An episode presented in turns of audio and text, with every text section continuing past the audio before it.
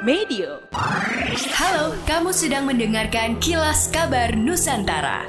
Podcast persembahan KG Radio Network menyajikan berita harian yang mengangkat keunikan dari berbagai wilayah Indonesia.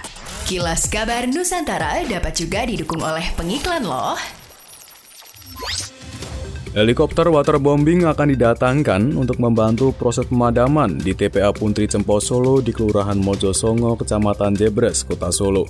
Wali Kota Solo Gibrana Kabuming Raka menjelaskan bahwa helikopter waterbombing yang didatangkan berasal dari Badan Nasional Penanggulangan Bencana atau BNPB. Namun paling cepat helikopter baru bisa datang besok pada hari Selasa, tanggal 19 September 2023. Jika metode ini dilakukan, ia yakin kebakaran pada TPA Putri Cempo Solo dapat segera dipadamkan.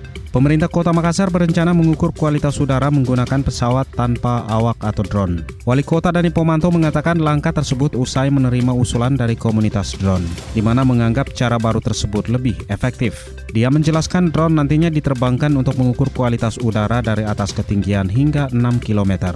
Meski demikian, Dani menyadari alat untuk mengukur udara menggunakan drone belum ada, sehingga dilakukan pengadaan sensor khusus. Kualitas udara di Makassar tercatat semakin memburuk seiring kondisi cuaca yang terjadi dalam beberapa bulan terakhir. Indeks kualitas udara saat ini berada di kisaran 56 yang mengindikasikan tingkat pencemaran udara sedang.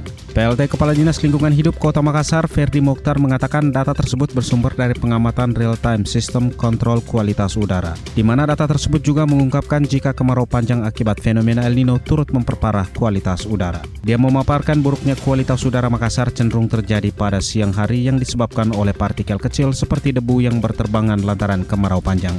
DLH Makassar menyebut kualitas udara di pagi hari cenderung lebih baik. Ferdi menambahkan meski tergolong pencemaran udara sedang, namun udara Makassar masih dianggap layak untuk pernafasan, baik bagi manusia maupun hewan.